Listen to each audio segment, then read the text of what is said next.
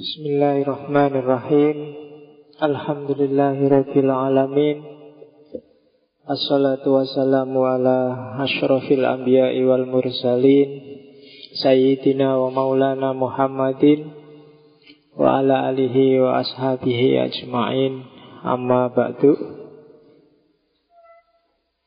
Uh, Bismillah. Malam ini Ngaji kita sudah sampai tokoh puncak dari tradisi filsafat Persia dari tradisi iluminasi yang dikenal sebagai Mula Sadra.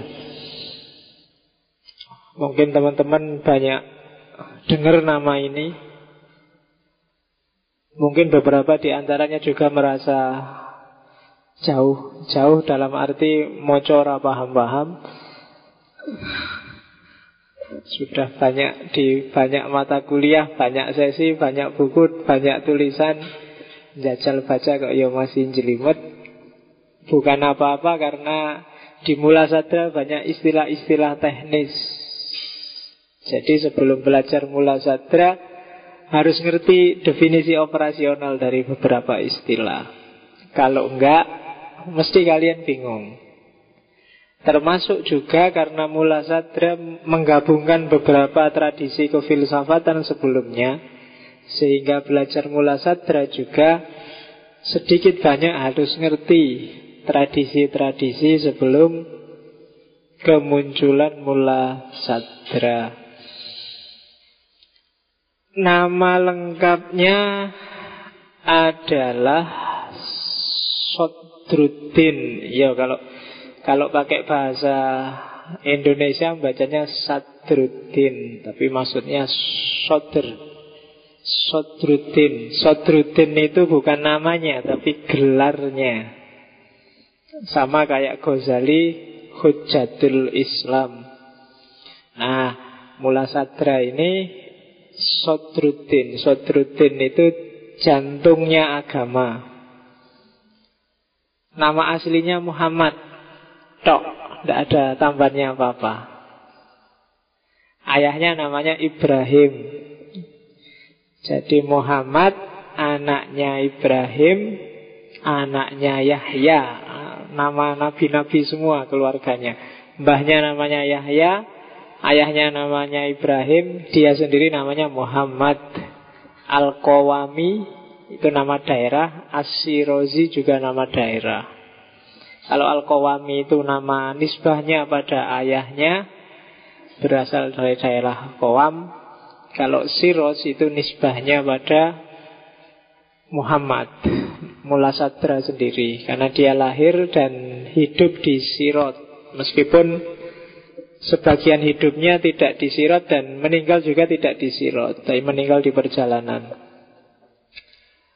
kalau mullah itu gelar.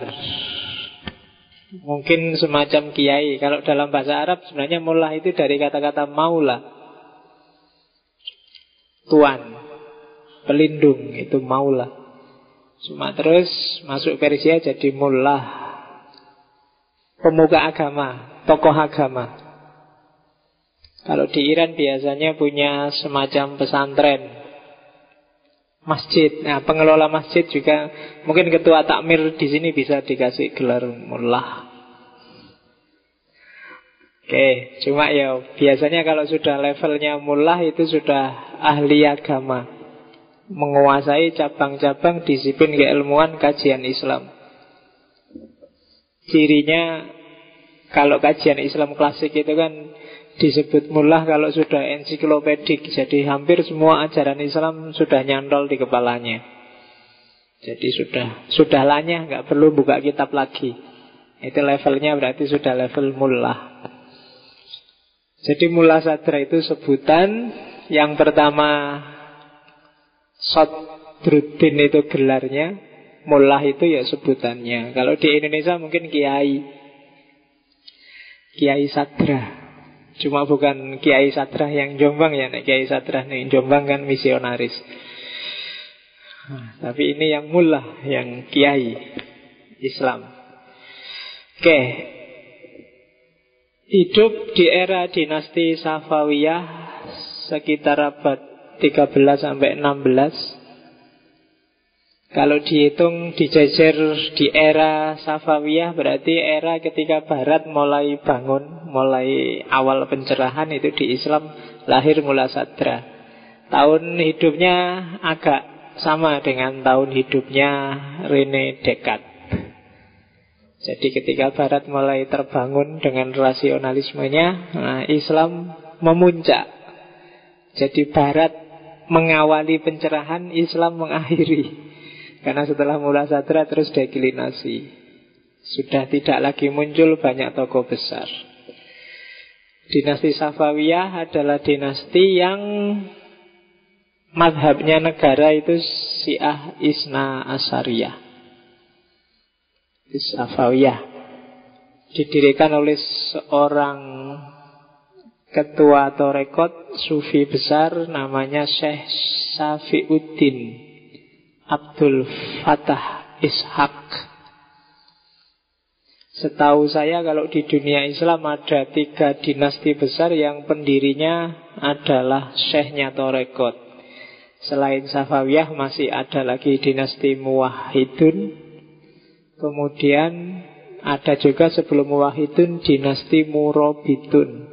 Dan tiga-tiganya dinasti besar yang sukses selama berabad-abad. Jadi Jangan dimarahi, jangan diharamkan kalau ada kiai masuk politik. Sopo ngerti bisa mendirikan dinasti besar yang sukses. Kalau hari ini kan banyak di sini sih. Kamu nggak terima kalau ada kiai masuk politik. Harusnya yang masuk politik itu yang gendo-gendo itu kan, yang roto kurang ajar kurang ajar itu. Dan kalian marah-marah lagi kalau Indonesia rusak karena mereka. Salamu dewe kiai ini nggak boleh berpolitik. Oke, dinasti Safawiyah. Keluarganya Mula Sadra itu keluarga bangsawan. Dia anaknya menteri, gubernur provinsi Fars. Dia anak tunggal. Nah, jadi sudah pas kan modalnya, pinter, cerdas, anak tunggal, anak menteri. Itu nanti yang dahsyat berarti kan modalnya punya kalau katanya biar Burdo, habitusnya sesuai, arenanya pas.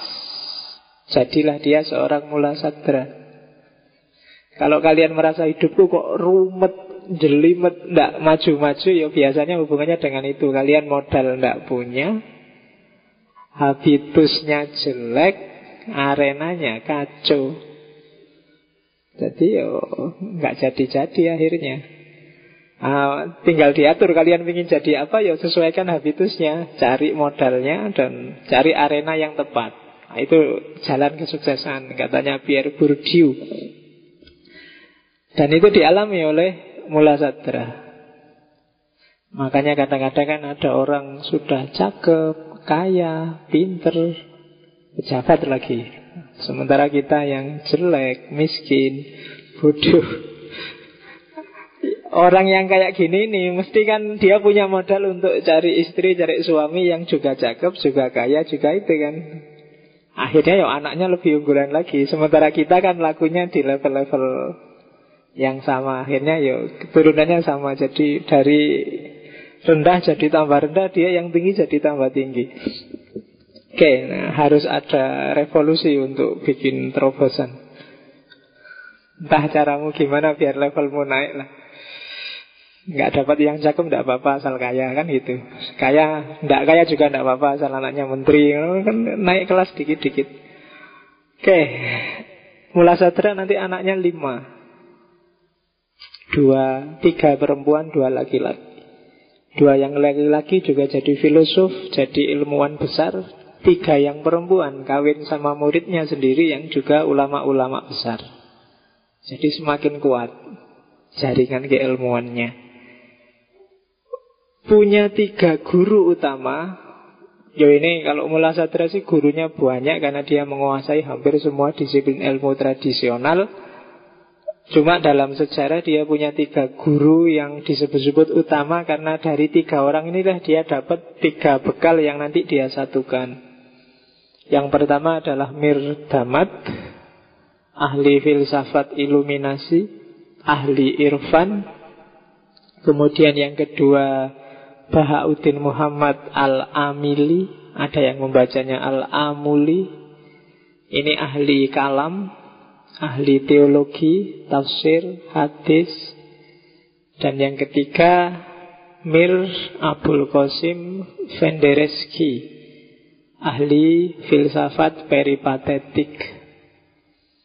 Nanti Mir Damat ini bisa menyatukan tiga klaster besar keilmuan Islam, yaitu klaster rasio yang diwakili oleh filsafat peripatetik, klaster wahyu yang diwakili oleh tafsir, teologi, dan klaster irfan, klaster irfani yang diwakili oleh Mirid Hamad dengan iluminasinya.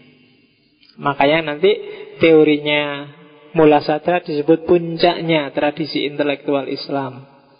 Orang menyebutnya Syekhul Muta'allihin, guru para teosuf. Teorinya yang paling terkenal kan orang mengenalnya sebagai hikmah muta'aliyah. Ada yang menerjemahkan hikmah muta'aliyah itu teosofi transendental. Ada yang menerjemahkan hikmah itu kearifan, muta'aliyah itu puncak. Hikmah muta'aliyah adalah kearifan puncak. Ya monggo terjemahnya apa yang penting dari mula sadra, teori itu. Dalam hidupnya meskipun dia tadi punya fasilitas Cuma dia juga mengalami banyak kegalauan Sama kayak Ghazali Kegalauan itu adalah munculnya dari kelompok-kelompok yang bertentangan dengan dia. Yang yang pertama disebut kelompok akhbariyun Kelompok skripturalis. Yang kedua kelompok muhadisun Ahli hadis. Dan yang ketiga kelompok fukoha Ini orang-orang generasi teologis. Karena cara berpikirnya bayan, berdasarkan nas Apalagi kelompok skripturalis Hanya mau menerima bunyi nas Yang ada bunyinya, yang nggak ada bunyinya nggak Nggak boleh bikin-bikin, itu namanya bid'ah Nggak boleh nafsir-nafsir, nakwil-nakwil karena itu berarti hurufat. Bikin-bikin. Jadi ini yang sehingga pikiran-pikiran model filsafat peripatetik dikafirkan, model iluminasi disesatkan. Dan ini yang bikin Mula Sadra saat itu galau. Galau bukan berarti bingung, tapi galau ini yang benar yang kayak gimana sih?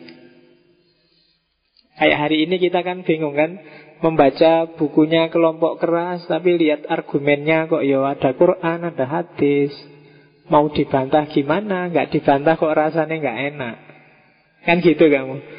Atau yang liberal. Yang liberal ini yo ya pikiran-pikirannya masuk akal. Bisa diterima. Cuma kalau dijalankan kok yo ya gimana gitu. Apa bisa ya?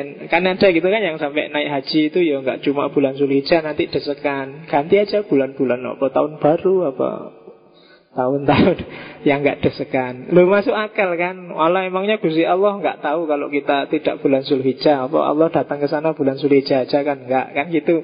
Ya masuk akal. Cuma ya masuk kayak gitu Jadi bingung dia Mulai Sadra mikir dikritiki sama kelompok-kelompok tekstualis itu Dia bingung Terus dia uzlah Uzlah sekitar ada yang bilang tujuh tahun Ada yang bilang sebelas tahun Menjalani laku sufi Dia nyari kebenaran alternatif Sampai mengalami kasyaf di situ dia dapat khazanah baru. Ternyata ada disiplin keilmuan yang tidak teologis juga tidak rasional, tapi membawa pencerahan. Persis kayak Ghazali. Dan setelah kasaf itu dia balik lagi. Jadi dia aslinya dari Siroj, waktu uzlah dia datang ke sebuah desa kecil di dekatnya Kum. Kum itu kota kota pelajarnya Iran. Bagi yang ingin belajar Syiah atau tradisi-tradisi Iran, silahkan datang ke Kum. Di sana kalian bisa belajar banyak. Dulu saya pernah ke sana dua tiga bulan, hampir tiga bulan di sana. Jalan-jalan aja nggak belajar apa-apa. Oh tiga bulan dapat apa? Cuma ya lihat-lihat perbandingan. Ah, jadi kalau di sana tradisi intelektualnya hidup. Tidak kayak Jogja yang kota pelajar. Saya masih geliatnya saya mulai mulai agak samar-samar. Kalau di kum masih bau bau skolastiknya masih kuat. Meskipun bagi orang di luar Jogja, Jogja masih saya kemarin ketemu teman dari Jakarta itu masih bangga dengan Jogja. Dianggapnya Jogja itu masih skolastik, masih masih apa? Gairah intelektualnya masih kuat dan tidak tergoda oleh TV, tidak tergoda oleh itu. Tak bilangin nggak tergoda oleh TV itu bukan berarti mereka tidak mau masuk TV kan, tidak laku aja. Coba TV-nya nawari mesti rebutan mereka masuk TV. Kalah cepet sama yang di Jakarta. Jadi Mula Sadra Uzlah selama 7 atau 11 tahun Terus kembali lagi ke Siroj Dibikinkan sekolahan Diangkat jadi guru Dan mulailah aktivitasnya Sebagai seorang intelektual melahirkan konsep-konsep besar filsafat Islam yang nanti dikenal sebagai hikmah muta'aliyah meninggalnya di Irak di Najaf. Waktu dia naik haji yang ketujuh kali. Dan mula sadra kalau naik haji jalan kaki. Dan di ketika dia naik haji yang ketujuh terus dia meninggal. Enggak kayak sekarang kan naik haji itu kan sudah enak. Kalau dulu jalan kaki Meskipun mungkin bisa naik kendaraan Tapi mula sadra lebih milih jalan kaki. Ilmuwan itu kan sok gitu. Punya punya gaya sendiri. Mungkin sambil jalan kaki sambil Mungkin sambil apalan, sambil belajar Sambil nyari ilmu dan sebagainya. Tradisi kayak gini mungkin Kalau di barat masih hidup. Orang kalau lagi ngapain nganggur, ngantri apa-apa Yang dipegang buku Coba kalian lihat ngantri nonton apa gitu sambil ngantri panjang itu dia mesti sambil pegang buku-buku kecil sambil pegang apa. Kalau kita kan enggak, jangankan ngantri, wong di kelas saja ya enggak pernah pegang buku. Iya. Jadi ilmunya tidak visutur dan juga tidak visutur, tapi vi laptop. Tuhannya Google. Oke, ini setting historisnya. Epistemnya, epistem itu nalarnya. Dari Mula Sadra. Jadi Mula Sadra dikenal bisa menggabungkan tiga khazanah. Yang pertama khazanah Masya'iyun Yang kedua khazanah Isrokiyun Dan yang ketiga khazanah Jadaliyun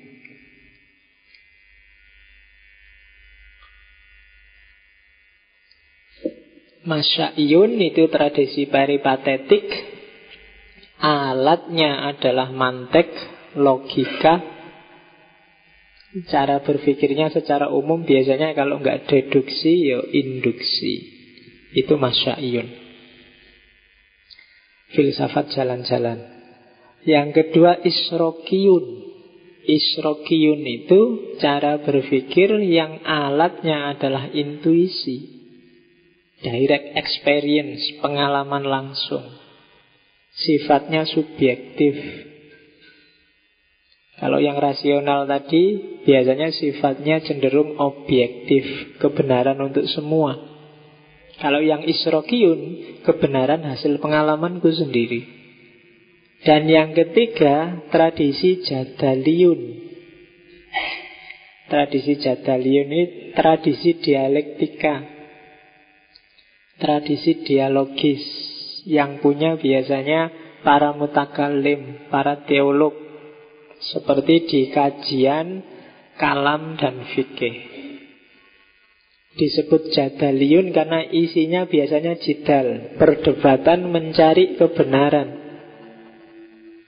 Nah, itu tiga-tiganya kalau dalam Islam diakui. Itu yang oleh Jabiri diakomodir jadi yang pertama disebut burhani, yang kedua disebut irfani, dan yang ketiga disebut bayani.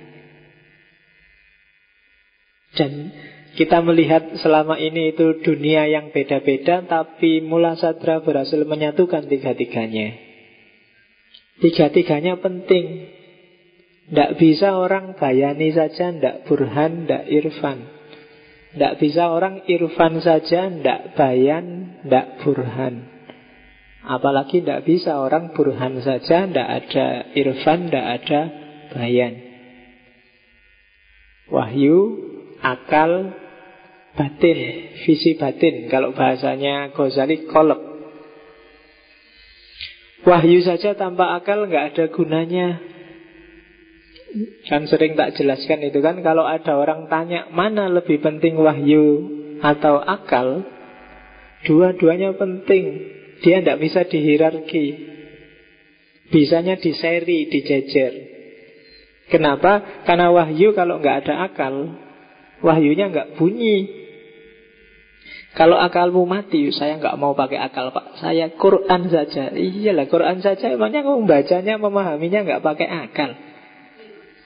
Tetap harus pakai akal. Atau yang akal, saya nggak mau wahyu, saya akal saja. Lalu ya kalau akal saja, dasarnya apa? Ya kamu bisa sih spekulasi ngawur Tapi kan sudah out of context. Ini kan ngomong tentang Islam Ngomong tentang agama. Kalau wahyunya nggak dipakai ya kehilangan basis Kehilangan dasar. Mungkin rasional hasil pikiranmu Tapi nggak ada dasarnya nggak ada sumbernya. Wahyu penting Akal juga penting Jadi tidak perlu kita debat lagi Mana yang lebih utama wahyu atau akal Podo podo utama nih Akal itu tidak ada dasarnya kalau nggak ada wahyu dan wahyu akan bisu kalau nggak ada akalnya. Itu persis kayak waktu orang Khawarij komplain pada Ali bin Abu Thalib. Ali, kamu kafir karena memutuskan sesuatu kok pakai pikiranmu itu loh. Harusnya kan pakai Quran. Kita kan orang Islam.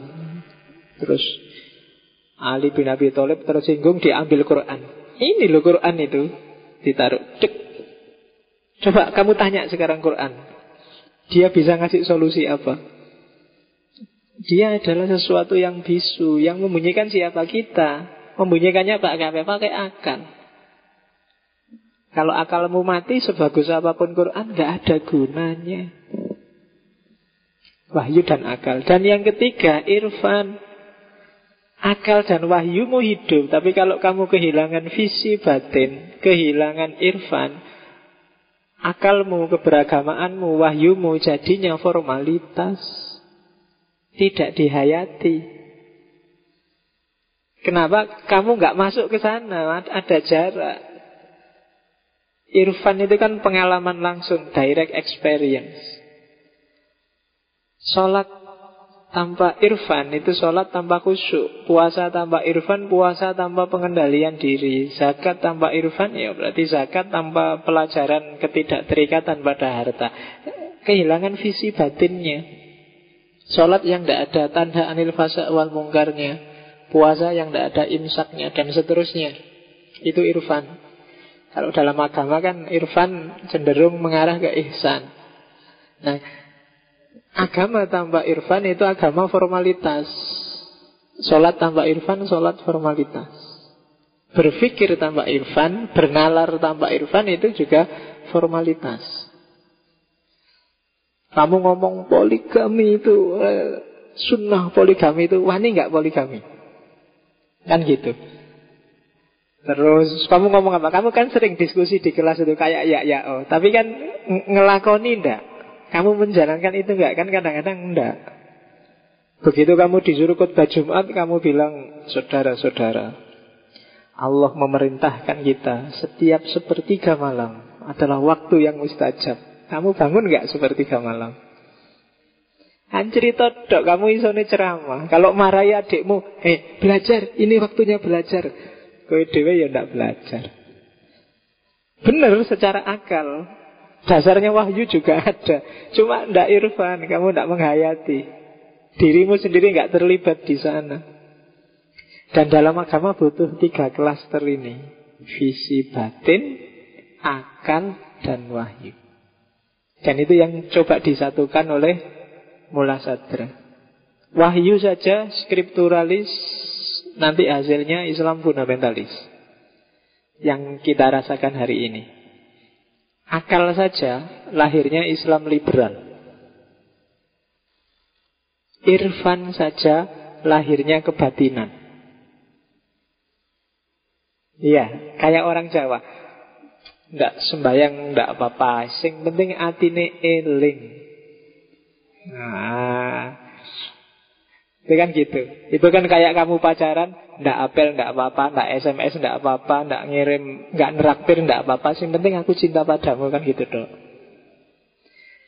Itu kan kebatinan kan itu namanya. Yang penting aku cinta padamu, tiap hari kangen padamu, I miss you. Neraktir ndak penting, apel ndak penting, antar jemput ndak penting. Ah, pacarmu mesti bilangnya prek. Ya kan? Gua apa cuma digombal itu kan mesti gitu. Jadi kalau kamu batin saja, yang penting kan aku ingat Allah. Tidak usah sholat, tidak apa-apa, tidak usah puasa, tidak apa-apa. Ya mungkin Allah bilang gitu, prek. Wong cuma disuruh sholat aja nggak mau kok bilang ingat padaku. Disuruh puasa aja nggak mau kok bilang jatuh cinta padaku. Kan nggak percaya Allah itu. Kan kamu sering kan mungkin sering bikin-bikin puisi Aku padamu ya Allah. Sholat subuh jam setengah delapan. Ya kan? Oh itu kan malaikat itu mesti cekikian itu baca puisimu itu. Wah puisinya dahsyat sekali. Cinta pada Allah Mendekat pada Allah. Tapi ya Ya kayak gitu itu kayamu. Kayak Irfan penting. Akal juga penting. Wahyu lebih penting lagi. Wahyu, akal, irfan dia harus dialektis Itu yang dilakukan oleh Mula Sadra Dan epistem ini nanti yang dikembangkan Menuju al-hikmah Al-muta'aliyah Kearifan puncak. Sebelum masuk ke kearifan puncak Saya akan ngulang sedikit saja tentang ontologi. Karena nanti kita akan ketemu istilah-istilah teknis. Semoga tidak keliru. Being, eksistensi, being itu ada, eksistensi dan lawannya esensi, substansi dan lawannya aksidensi. Ini lima istilah yang operatif di Mula Sadra. Dulu sudah tak jelaskan ketika saya ngomong tentang ontologi. Saya lupa itu pengajian-pengajian awal itu ada ontologi. Cuma tak ulang dikit biar kamu nggak lupa. Yang pertama being, ada. Ada adalah predikat yang Badohah binafsih Kalau bahasanya Mula Sadra Atau bahasanya Ghazali Tabadur fil fahm. Langsung bisa dipahami nggak usah mikir. Orang bayi yang akalnya bisa jalan juga ngerti Apa itu ada, apa itu tidak ada. Mikrofon ini ada, laptop ini ada, teh ini ada, aku ada, kamu ada, ada. Simbol. Bayi yang baru lahir juga ngerti. Oh ibunya sedang ada maka dia diam. Oh ibunya nggak ada maka dia nangis. Jadi ada itu atribut yang sifatnya universal, a priori. Kamu nggak perlu kuliah untuk ngerti mana ada, mana tidak ada. Nggak perlu baca buku juga bahkan nggak perlu tanya siapa-siapa. Ada dan tidak ada itu atribut universal. Jadi kalau kamu ditanya orang, temenmu ada nggak? Jawabannya nggak boleh, nggak ngerti aku loh. Kan jelas, kalau dia nggak ada di sekelilingmu, kamu nggak bisa lihat, kamu tinggal bilang nggak ada kan gitu. Jawaban nggak ngerti itu berarti menunjukkan bahwa pemikiran yang paling gampang sekalipun kamu belum paham. Bayi aja paham, kamu nggak bisa. Kadang-kadang kan gitu. Le, temenmu ada nggak? Tidak tahu ya, Loh kok tidak tahu? Kan tinggal bilang, ada nggak? Kalau nggak ada, di sekelilingmu bilang aja nggak ada. Kalau ada, bilang ada. Jawabannya jangan nggak tahu. Nah, si A ad, ada nggak hari ini? Tidak tahu ya Pak. Lo kan tinggal dilihat. Ada apa enggak kan gitu aja. Kan kadang-kadang gitu di kelas kalau di absen itu. Ada atau tidak ada kan itu aja. Jangan dijawab nggak tahu. Nggak tahu pak ke mana. Loh, yang penting kan nggak ada. Urusan ke mana urusan selanjutnya. Dosen ini kan cuma bahas ada atau tidak ada. Oke. Ada yang hadir pak. Saya hadir pak. Dilengkapi. Ya dosennya yang ngerti lah. Meskipun nggak ditambahi saya ya kamu yang hadir. Oke. Maujud pak, oh maujud. Rata ngerti filsafat itu ya. Ada yang mau bilang, ada pak wujud pak, tidak apa-apa. Filsafatnya lebih tinggi itu kalau wujud itu. Kalau maujud itu kemarin Surawardi dan kawan-kawan Tapi di Mula Sadra wujud Semua juga wujud. Di Ibnu Arabi semua juga wujud. Cuma wujudnya metafor. Oke. Dan ada itu mendahului semua atribut yang lain, termasuk atribut realitas dan eksistensi. Ada pasti dapat diketahui. Aku orang Indonesia, aku manusia, aku hewan, aku ada, itu bisa diketahui. Dan secara umum para filosof barat, timur, klasik, modern Kalau ngomong ada biasanya dibagi tiga yang pertama tidak ada. Di situ tak tulis dua. Yang kedua sungguh-sungguh ada. Yang ketiga mungkin ada. Nah, kalau di Mula Satra nanti ada yang sungguh ada dan mungkin ada jadi satu. Dan yang kedua nyata ada dan tampak ada jadi satu. Ada bedanya. Ada yang tampak ada tapi sebenarnya nggak ada. Ada yang nyata ada. Sebenarnya ini operatif di pikiranmu. Kamu nggak perlu belajar filsafat juga sudah ngerti. Cuma begitu di filsafat jadi ruwet sekarang. Karena teori itu tugasnya itu bikin kamu jelimet. Padahal selama ini kamu juga sudah paham. Coba dilihat klaster kedua. Selain ada ya, nanti ada atribut ada tampak, ada nyata atau real, ada eksistensi, ada esensi, ada substansi, ada aksidensi. Ini panjang ini. Tadi kan ada, ada itu paling gampang dipahami. Catatan pertama, tidak semua yang ada itu tampak. Ya kan? Kamarmu ada, tapi sekarang kan nggak tampak adanya kamarmu oleh dirimu. Bahkan mimpimu itu ada tapi dia nggak tampak. Kalau kamu jatuh cinta, cintamu itu ada, tapi cinta itu yang apa sih kamu nggak akan bisa lihat. Itu yang gaib-gaib. Jadi kalau dalam agama yang tidak tampak itu kan yang disebut gaib itu kan. Jadi alam gaib itu alam yang tidak tampak, tidak bisa diakses oleh panca indera. Misalnya di jalan Kaliurang ada sate yang enaknya luar biasa. Karena kamu nggak ngerti di mana itu dan enaknya kayak gimana, maka sate di Jalan Kaliurang adalah gaib bagimu. Termasuk kelompok alam gaib. Kenapa? Karena nggak nyata bagimu, nggak tampak olehmu, kamu nggak ngerti. Jadi alam gaib itu tidak perlu kamu jelimet-jelimet alam alam yang kamu belum nggak bisa akses. Itu gaib lewat panca idramu. Itu kan gaib. Meskipun itu alam hantu-hantunan, tapi kalau dukun yang bisa lihat, wah ada putih-putih, wah ada merah-merah, itu sekarang berdarah-darah kayak gitu. Berarti dia itu tidak gaib lagi. Jadi bagi dukun-dukun tidak ada alam gaib yang itu. Mungkin alam gaibnya dukun-dukun itu alam gaib yang beda lagi. Karena dia mungkin nggak ngerti dugem ya Dugem itu bagi kiai-kiai dukun-dukun alam gaib Karena kan gitu cumaan Bagi yang nggak pernah ke Misalnya New Zealand, misalnya kamu ngertinya apelnya saja, New Zealandnya nggak ngerti. New Zealand itu kan alam gaib. Kamu nggak ngerti ada apa, kayak gimana, seperti apa di sana. Tidak semua yang ada itu tampak. Kebalikannya, tidak semua yang tampak itu nyata. Nah, kira tuh rumit ini mikirnya. Kadang-kadang kamu tampak sesuatu tapi dia tidak nyata. Macam-macam. Bisa salah pandang, bisa salah persepsi, ya kan? Bisa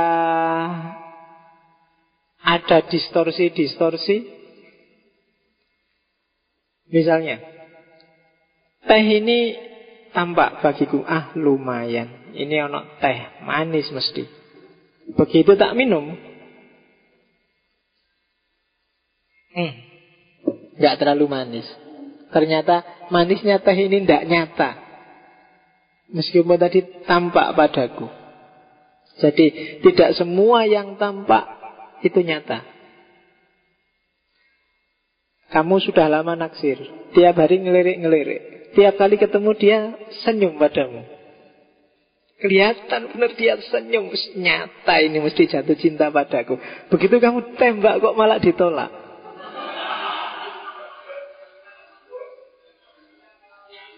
Iya. Jadi jangan tertipu. Tidak semua yang tampak itu nyata. Banyak. Yang contoh-contoh kayak gini banyak.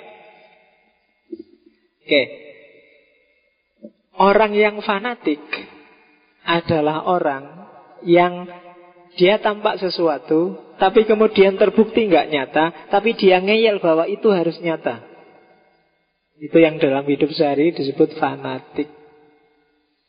Us jelas ditolak tapi kamu bilang enggak itu cuma pura-pura aja mungkin dia malu itu ngeyel namanya fanatik dengan pandangannya sendiri. Kamu ikut organisasi A sudah jelas-jelas punya bukti ini kacau organisasi nggak beres tapi yo karena kamu sudah terlanjur terikat di situ kamu anggap enggak itu cuma sementara. Selama ini kamu ikut Golkar, Golkar adalah partai paling jos. Kemarin tawuran, oh enggak, itu sementara, itu enggak, enggak, itu padahal sudah nyata. Jadi tidak semua yang tampak itu nyata. Nah, ada lagi yang ketiga, lebih lebih rumit lagi. Tidak semua yang nyata itu eksis. Oke, apa sih syaratnya nyata harus eksis? Yang pertama dia harus konkret. Yang kedua dia harus punya ruang, punya waktu dan semua orang melihatnya sama. Tidak subjektif. Berarti kan kenapa? Sifatnya publik. Eksis selalu sifatnya publik. Tidak ada eksis bagi diriku sendiri itu berarti tidak eksis. Jadi tidak semua yang nyata itu eksis. Kamu sedang sumpek, sumpekmu ini kan nyata, tapi dia nggak eksis. Untuk bisa eksis, ekspresikan sumpekmu dengan marah-marah, dengan ngamuk, dengan bikin postingan kurang ajar, nah itu baru eksis. Tapi kalau masih kamu pendam di dalam, itu belum eksis, meskipun dia nyata bagimu. Jadi tidak semua yang nyata itu eksis. Jadi kalau ada orang tanya, mbok kamu yang eksis, nah itu berarti ekspresikan apa keinginanmu, apa kemampuanmu secara nyata, secara publik, biar orang juga bisa mengaksesnya. Nah, lawannya eksistensi itu esensi.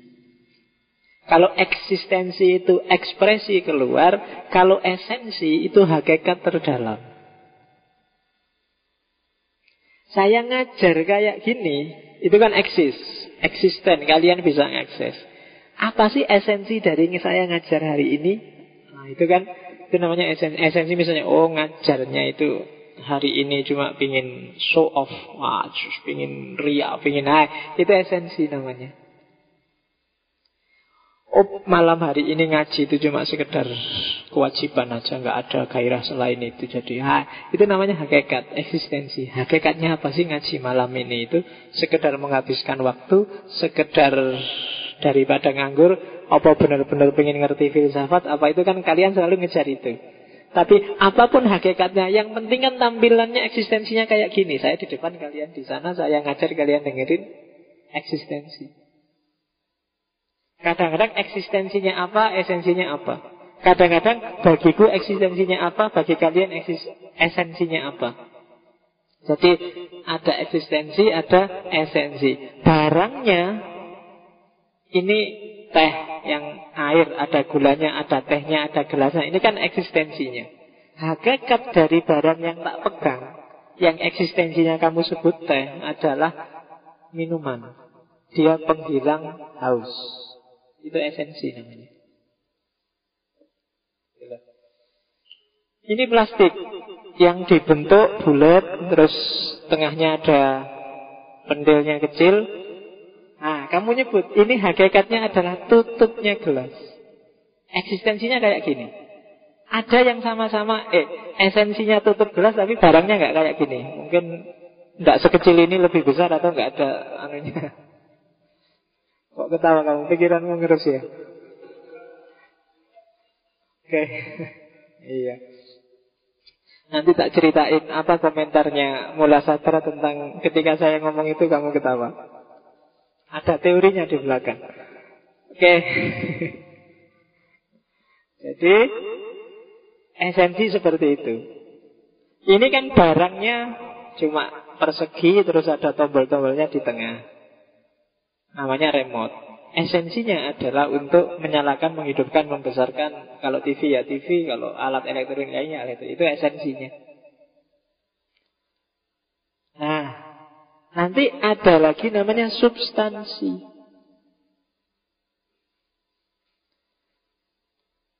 Kalau eksistensi itu kalau di bahasa Indonesia sering disebut tampilannya. Kalau substansi itu bahannya. Substansi itu terdiri dari form dan metal. Substansinya ini adalah plastik yang dibentuk bulat dan ada lubangnya kecil.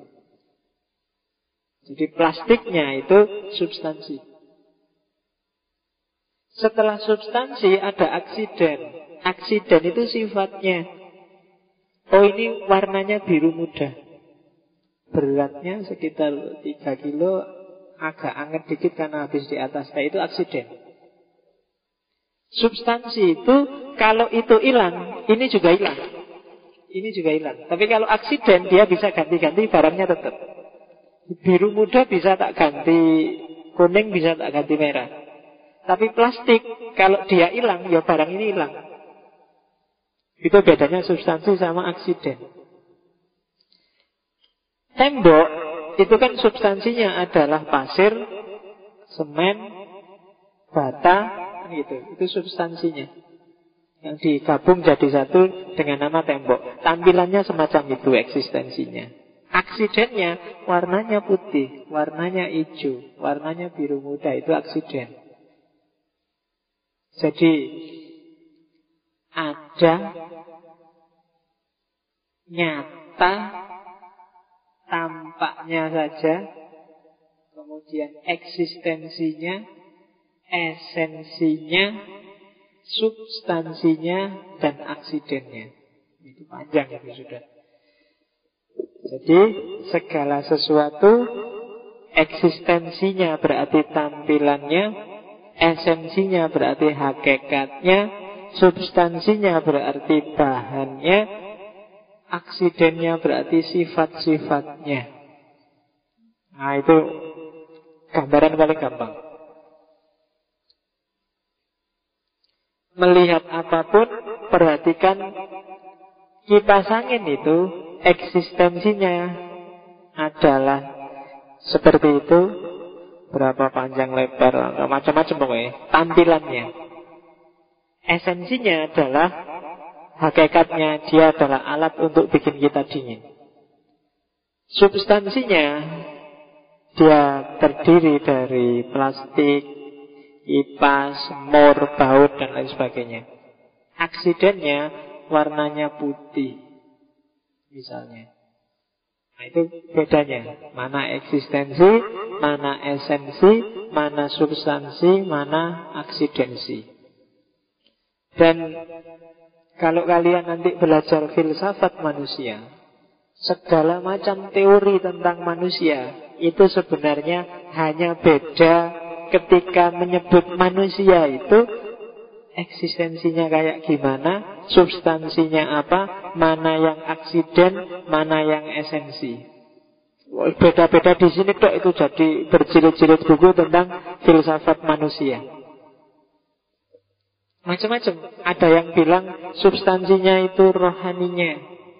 Ada yang bilang nyawanya. Ada yang bilang bukan, ya jasadnya. Ada yang bilang materialisme kan bilang jasadnya. Ada zat-zat kimiawi dan seterusnya. Kalau menurut sufi ya hakikatnya ya esensinya ya batinnya dan seterusnya. Beda-beda semacam ini. Oke, jadi itu untuk paham seperti apa nanti ontologi. Karena mula satra banyak sekali ngomong istilah-istilah ini biar nggak keliru. Teori utamanya mula satra ada empat. Asolatul wujud, taskikul wujud, yang taskik ini sebenarnya gabungan dari kelanjutan dari wahdatul wujud. Kemudian yang keempat adalah al-harokah al-jauhariyah. Nyawanya di situ. Nah, tak awali dari asolatul wujud. Di sinilah nanti mula satra disebut eksistensialis. Meskipun gayanya beda dengan eksistensialis barat. Jadi kayak tadi, apa sih asalatul wujud itu?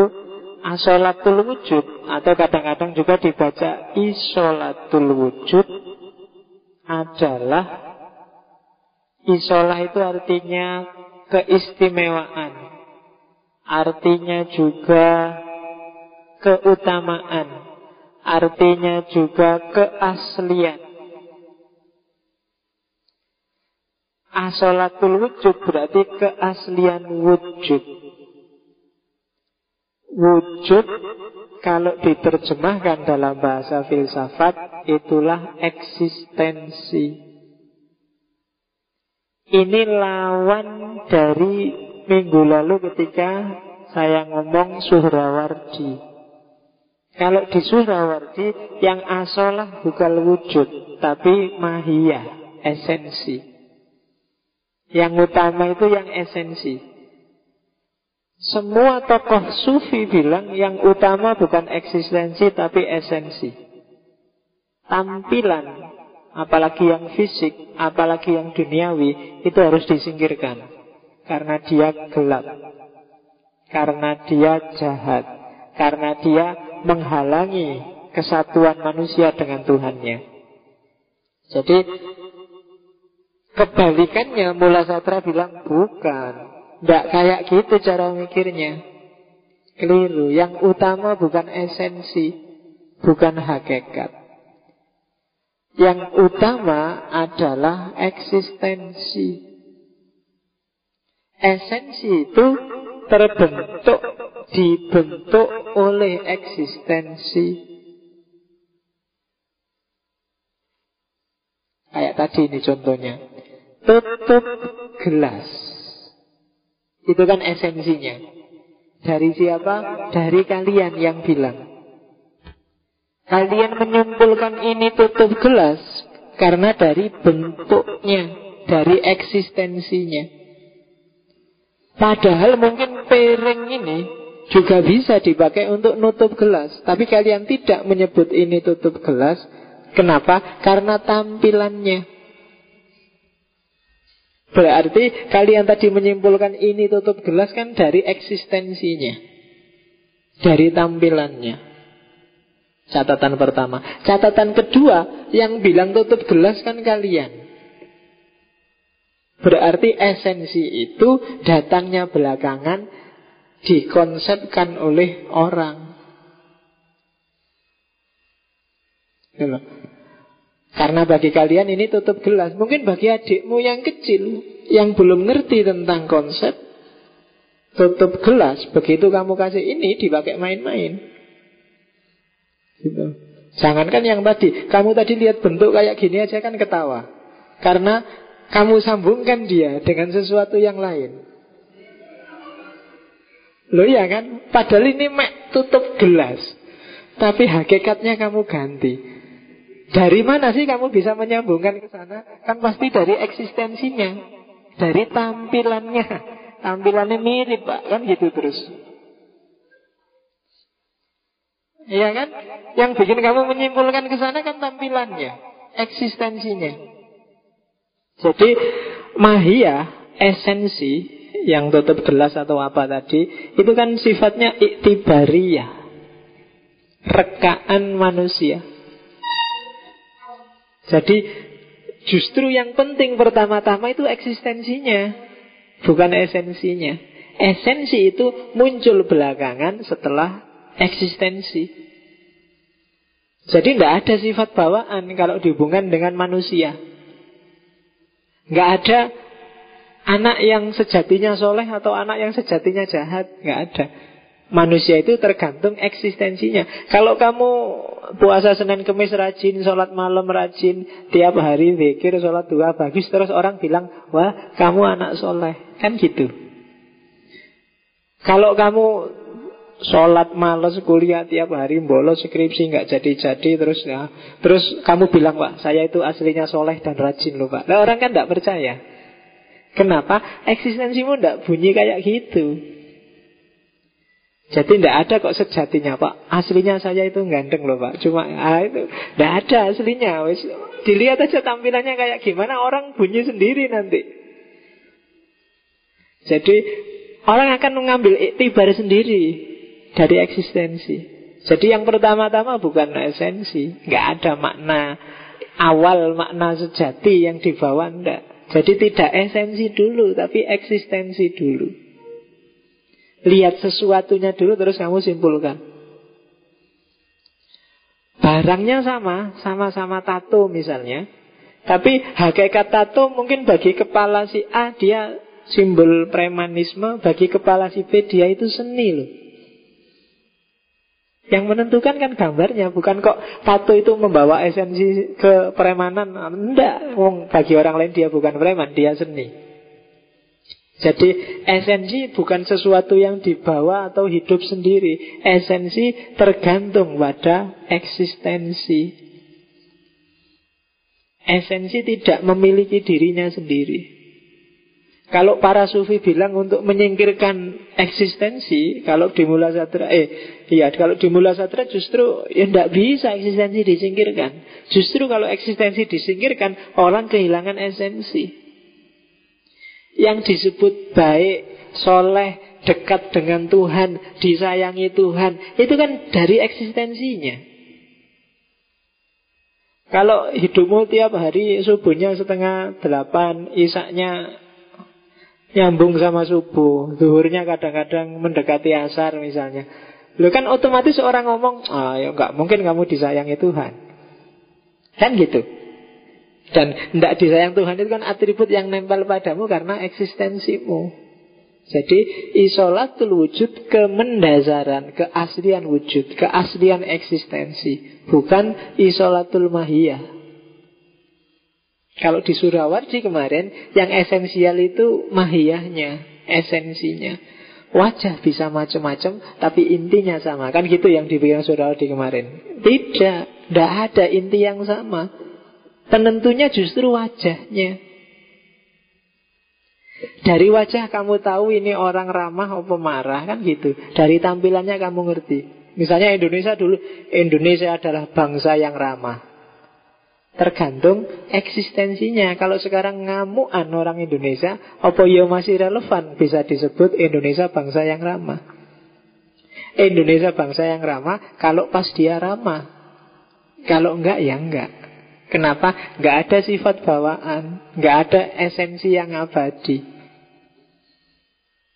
Jadi esensi, hakikat itu bentukan dari pikiran kita sendiri.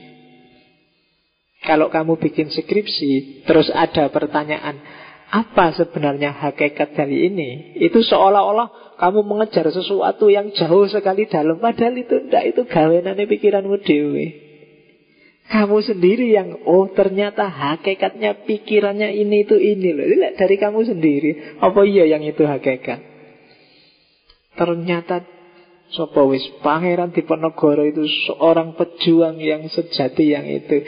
Itu kan hakikat menurutmu. Padahal mungkin peneliti yang lain melihatnya nggak kayak gitu.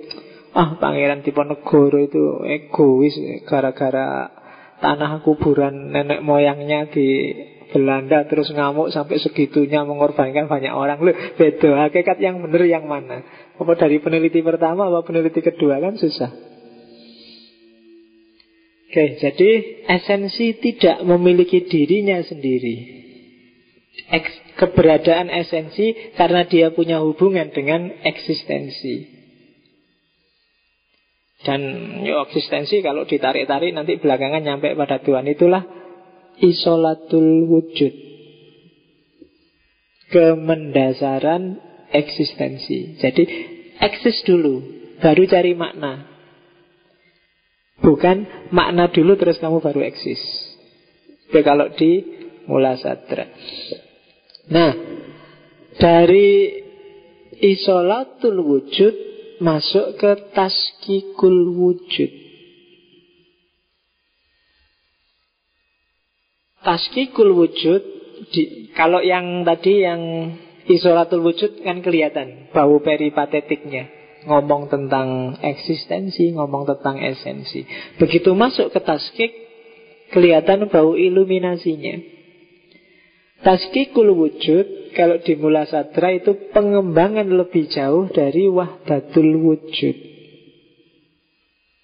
Kemarin di Mula Sadra waktu ngomong wahdatul wujud eh, di Ibnu Arabi di antara idolanya Mula Sadra juga Ibnu Arabi. Di Ibnu Arabi kan semua realitas adalah cerminan Tuhan. Itu yang bikin orang yang tidak ngerti menuduh Ibnu Arabi panteisme. Teori itu disempurnakan oleh Mula Sadra dengan taskikul wujud, gradasi wujud. Iya, semua adalah cerminan Tuhan, semua adalah cahaya Tuhan, tapi sifatnya gradasi. Jadi tidak bisa kok yang di sana kemarin tak simbolkan kaca itu kan nggak bisa kok disebut yang di sana itu Tuhan, yang di sana itu Tuhan nggak bisa karena dia hanya salah satu gradasi bentuk parsial, gambaran tertentu, level tertentu dari ketuhanan. Analoginya kayak matahari atau cahaya matahari. Kalau di Mula Sutra. Cahaya matahari itu kan bisa disebut matahari tapi sebenarnya dia bukan matahari, dia cuma cahayanya. Dan sifatnya akan gradasi. Semakin jauh, semakin gelap, semakin dekat, semakin terang. Jadi wujud ini sifatnya taskik gradasi. Bahkan nanti jiwa manusia pun sifatnya taskik gradasi. Alam semesta ini sifatnya taskik. Dari taskik itu contoh paling gampang, level paling bawah adalah alam benda-benda. Di atas alam benda-benda ada alam tumbuhan. Di atas alam tumbuhan ada alam hewan-hewan. Di atas alam hewan-hewan ada alam manusia. Di atas alam manusia ada alam malakut. Terus sampai ke atas sampai puncaknya wajibul wujud. Puncaknya ya Tuhan. Dan sifatnya gradasi. Kenapa? Seperti pancarannya matahari, semakin dekat semakin terang. Hanya manusia nanti yang bisa sampai jatuh ke bawah asfala safilin dan sebenarnya padahal dia paling atas ahsanut takwim. Jadi level-level alam ini ada tingkatannya. Semuanya manifestasi dari keberadaan Tuhan cuma ranking. Rankingnya tergantung kedekatan dia dengan Tuhan. Nah ini, ini yang belum dijelaskan kemarin oleh Ibnu Arabi. Sehingga semuanya disebut Tuhan. Dan orang terus menuduh dia panteistik. Padahal alam itu sifatnya taskik. gradasi. Oke, nanti kita lihat termasuk jiwa, nanti jiwa kita itu juga gradasi. Nah, ini teori dahsyat lagi dari Mula Sadra. Al-Harokah Al-Jauhariyah. Tadi kan gradasi. Cuma jangan salah, alam semesta ini nggak diem. Semuanya bergerak. Harokah jauhariyah itu maksudnya gerakan substansial. Selama ini para filosof sebelumnya menganggap bahwa perubahan itu hanya pada aksidensi. Perubahan itu hanya pada sifat-sifat kuantitas, kualitas, posisi, dan tempat itu biasanya bisa berubah. Padahal menurut Mula Satria tidak begitu. Seluruh alam semesta ini bergerak menuju ke pusat. Tadi tak gambarkan kayak matahari yang yang gradasi ke atas. Sebenarnya semuanya juga bergerak menuju ke pusat, menuju kesempurnaan, menuju mabda, menuju sumber. Merindukan puncak kediriannya, merindukan kesempurnaannya. Bahkan benda kalau di mula tumbuhan, binatang ini bergerak. Benda pada akhirnya bisa melahirkan tetumbuhan nanti pada akhirnya jadi fosil-fosil, jadi hewan. Hewan mengalami evolusi, berkembang, di level tertentu nanti jadi kayak manusia punya semacam intelijensi nanti dan seterusnya manusia pun dia bergerak terus semua bergerak tidak ada yang diam apa sih gerakan itu gerakan adalah proses aktualisasi potensi hurujul kuah ilal fi'li dalam dirimu itu ada macam-macam potensi termasuk potensi ketuhanan. Gerak itu berarti apa? Upayamu mengeluarkan, mewujudkan potensimu sehingga keluar semua. Kalau keluar semua maka kamu akan nyampe puncak. Termasuk wahdatul wujud. Ketemu dengan Tuhan, kasyaf, makrifat. Itu kan berarti potensinya sudah keluar semua. Karena memang kita diciptakan Tuhan mengarah ke situ. Batu juga begitu, benda-benda juga begitu. Dia punya potensi puncak, dia punya potensi sendiri sampai puncaknya jadi apa. Tumbuhan juga gitu, dia punya potensi sendiri sampai puncaknya jadi apa. Dan ini semua bergerak menuju puncak. Ya kalau dalam bahasanya para ulama sunni merealisasikan tujuan penciptaan. Kemarin di minggu lalu itu loh Apa untuk ini kamu diciptakan? Nah itu jawablah pertanyaan itu Dan realisasikan. Karena kamu punya potensi untuk merealisasikan Tujuan penciptaanmu. Sudah dikasih Tuhan bekal macam-macam. Sebenarnya pakai akalmu Pakai intelijensimu sudah cukup. Tapi saking sayangnya Allah Kamu juga dikasih wahyu Kamu juga dikasih nabi-nabi Itu sebenarnya apa? Mengeluarkan potensimu sehingga bisa nyampe puncak dan gerakan untuknya mencapai puncak itu disebut al-harokah al-jauhariyah. Jadi gerakan substansial. Jadi jangan bikin gerakan-gerakan insidental, aksidental. Gerakan yang potensial. Gerakan yang substantif. Bukan gerakan-gerakan simpel. Bukan gerakan-gerakan yang tidak ada artinya. Jadikan ngaji ini sebagai harokah jauhariyah. Jadikan kuliahmu sebagai harokah jauhariyah. Jadikan apa pun yang kamu lakukan sebagai harokah jauhariyah. Kalau enggak umurmu habis Potensimu enggak keluar dan kamu enggak akan nyampe pada tujuan penciptaan. Dan yang yang dikasih pilihan cuma manusia. Bisa nyampe apa enggak Tapi kalau batu, tumbuhan, binatang itu biasanya secara instingtif dia mencapai tujuan penciptaannya. Hanya manusia yang bisa nawar dan bisa mengelak. Harokah jauhariyah. Jadi kalau dalam bahasanya Mula Satra, alam semesta ini setiap detik yang terjadi adalah dekonstruksi dan rekonstruksi. Terus menerus. Kamu yang datang tadi masuk ke sini sudah bukan kamu yang tadi di depan pintu mau masuk. Sudah ada perubahan.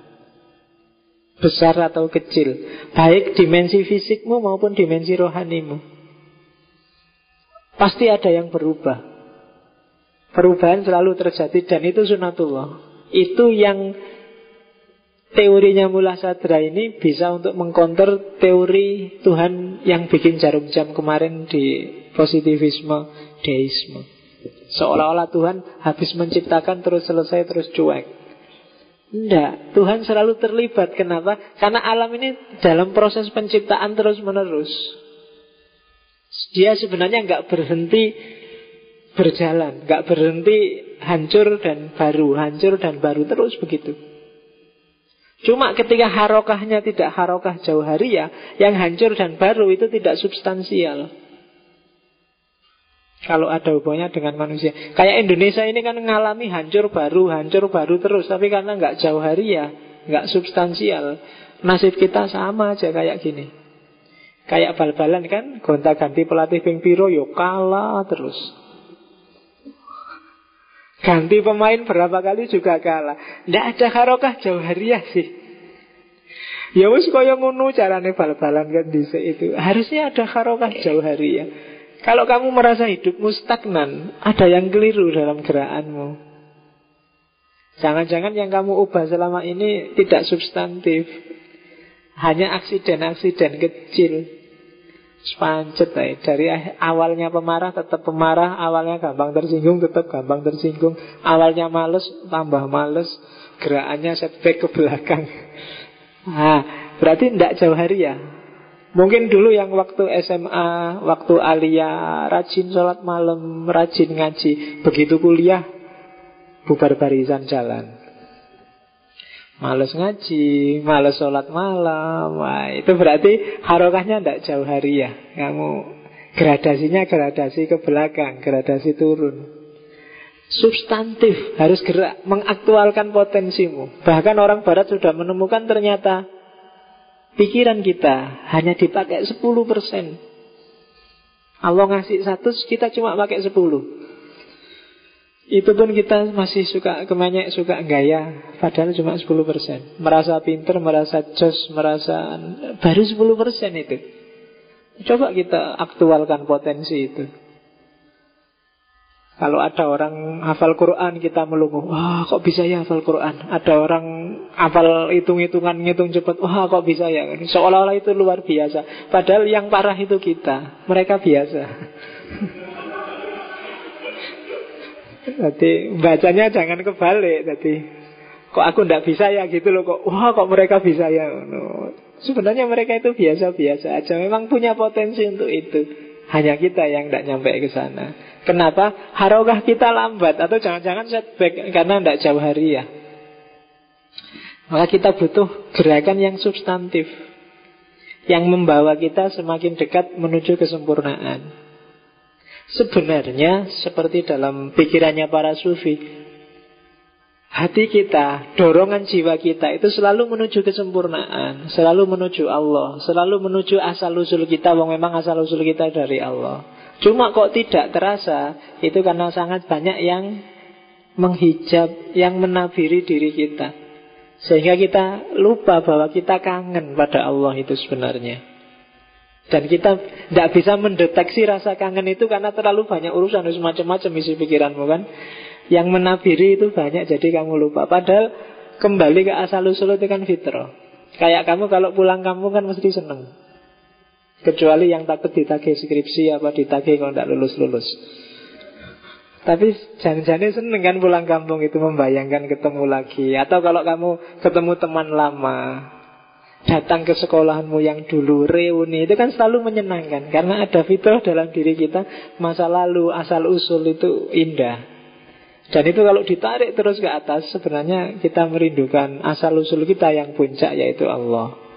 Hanya saja karena kita agak gelap gradasinya agak terlalu gelap jadi tidak bisa mendeteksi kerinduan itu Bahkan Allah kan kita jadikan sarana untuk merealisasikan keinginan-keinginan kita yang tidak substantif.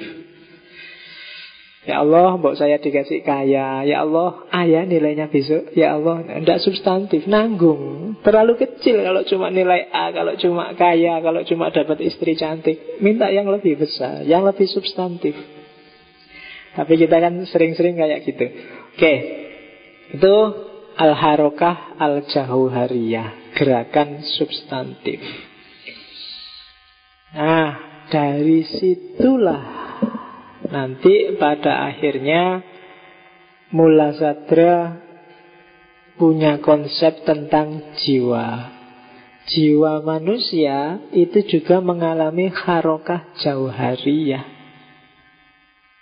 Ada gerakan substantif loh, itu untuk memperjelas tadi. Yang pertama coba dilihat. Kamu waktu kecil terus belum balik, terus balik sampai akalnya sempurna. Itu kan ada gradasi. Waktu kamu bayi, jiwanya kan jiwa vegetatif. Bisanya cuma tumbuh. Hidup sih, tapi cuma bisa tumbuh. Maem, buang kotoran, nggak enak nangis, itu kan bisanya cuma tumbuh. Selain tumbuh, nggak bisa, nggak bisa apa-apa lagi. Hidupnya diatur oleh insting untuk besar. Setelah itu jiwamu berkembang jadi jiwa hewan. Hewan sudah punya ambisi, sudah punya hasrat, sudah punya nafsu. Jiwa hewan. Akalnya belum lengkap, kayak anak-anak kecil itu loh. Akalnya belum lengkap tapi sudah pingin ini, pingin itu.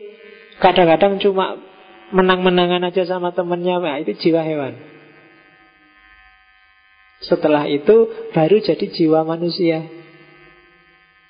Jiwa manusia itu ya akalnya jalan. Sudah ngerti mana baik buruk Mana pantas nggak pantas Mana boleh tidak boleh Itu jiwa manusia. Nah ini gradasi. Seumuran kalian pasti sudah jiwa manusia. Kecuali kamu males. Kalau kamu males Kembali lagi ke jiwa vegetatif. Kainannya turu karo mangan mangan turu nonton TV Facebookan internetan. Mangan lagi turu meneh Facebookan internetan. Nah itu tumbuh besar dan tinggi tapi ya kayak tumbuhan vegetatif. Nah kembali setback. Atau jiwa hewan. Jiwa hewan kira mikir sing penting enak sing penting seneng sing penting sukses pokoknya sing penting terus. Jiwa hewan Nyari enaknya sendiri, nyari nyamannya sendiri, nyari suksesnya sendiri jiwa hewan. Nah, level ketiga jiwa manusia. Jadi kamu harus selalu introspeksi. Jangan-jangan levelku ini turun sekarang. Bukan manusia, tapi level jiwa sebelumnya. Nah, puncaknya jiwa manusia itu kalau di Mula Sadra perhatikan ada lima fakultas. Lima fakultas itu lima daya yang harus kamu jadikan bekal biar kamu tetap jadi manusia bertahan tidak turun derajat ke jiwa hewani atau jiwa vegetatif. Yang pertama adalah sensus komunis, hisul mustarok atau common sense. Kebenaran-kebenaran umum yang itu tertanam sejak kamu kecil sampai besar pasti sudah ada kebenaran-kebenaran umum itu. Jadi common sense dipahami bersama. Kalau kebenaran umum itu ya kalau aku tidak makan seminggu pasti mati. Sensus komunis sama orang tua harus menghargai itu kan umum. Nggak perlu dipikir. Nggak perlu bikin seminar nasional untuk bahas kenapa ya kalau 6 jam nggak makan perutku keruyuk-keruyuk kok tidak usah itu common sense. Untuk yang common sense kamu nggak perlu diskusi panjang-panjang. Semua orang juga sudah ngerti kalau kamu nggak makan-makan juga perutmu keruyuk-keruyuk. Nggak perlu lari ke perpus nyari referensi dulu pak kebenarannya gimana ini ndak usah. Kemantepan. Jadi sensus komunis hisul mustarab ngerti dewe kamu ndak usah ditanyakan. Orang hidup juga selalu pasti ngerti itu. Kok aku deg-degan pak dekat lawan jenis Tidak apa-apa itu hisul common sense sudah Kamu ngerti sendirilah tidak usah nyari referensi, nyari buku, bikin seminar internasional, dan loti video untuk belajar itu nggak usah. Sudah ngerti sendiri kamu, nggak usah belajar. Oke, Sensus komunis, alat pertama. Ini patokanmu. Kalau yang sensus komunis saja kamu masih belum paham itu alamat. Jangan jadi, jangan ngaku jadi orang dewasa. Hanya anak kecil yang tidak ngerti common sense. Anak kecil nggak ngerti common sense, pingin kencing, kencing aja di pojok situ. Tapi kan kamu kan ngerti, tidak boleh kencing di pojok situ. Dasarnya apa? Nggak usah tanya dasar, sudah ngerti semua. Apa-apa nggak usah ditanyain dasarnya, wis ngerti. Akalmu sudah jalan, itu common sense. Kenapa kau nggak boleh mukuli teman, Pak? Nggak usah cari dalil, harus ngerti dewe. Gitu aja kok kamu datang. Kita anti kekerasan. Ya harus paham itu, itu common sense. Nggak usah panjang-panjang bahas anti kekerasan. Semua orang juga anti kekerasan. Wong yang melakukan kekerasan itu nganggapnya itu bukan kekerasan kok. Mungkin dianggapnya, oh ini pendidikan pak, oh ini ketidakadilan pak, kan mesti gitu dia. Karena dia tahu kekerasan itu tidak boleh. Oke, okay. Khisul mustarok, common sense. Yang kedua apprehension, waham, daya prediksi. Kamu harus punya. Kalau nggak punya daya prediksi, susah kamu jadi manusia. Karena aku mau perjalanan satu hari satu malam di atas bis, bisnya nggak berhenti, berarti harus siap makanan. Yang kedua siap botol aqua kosong. Loh, ya kan? Kamu paham kan gunanya botol aqua kosong itu?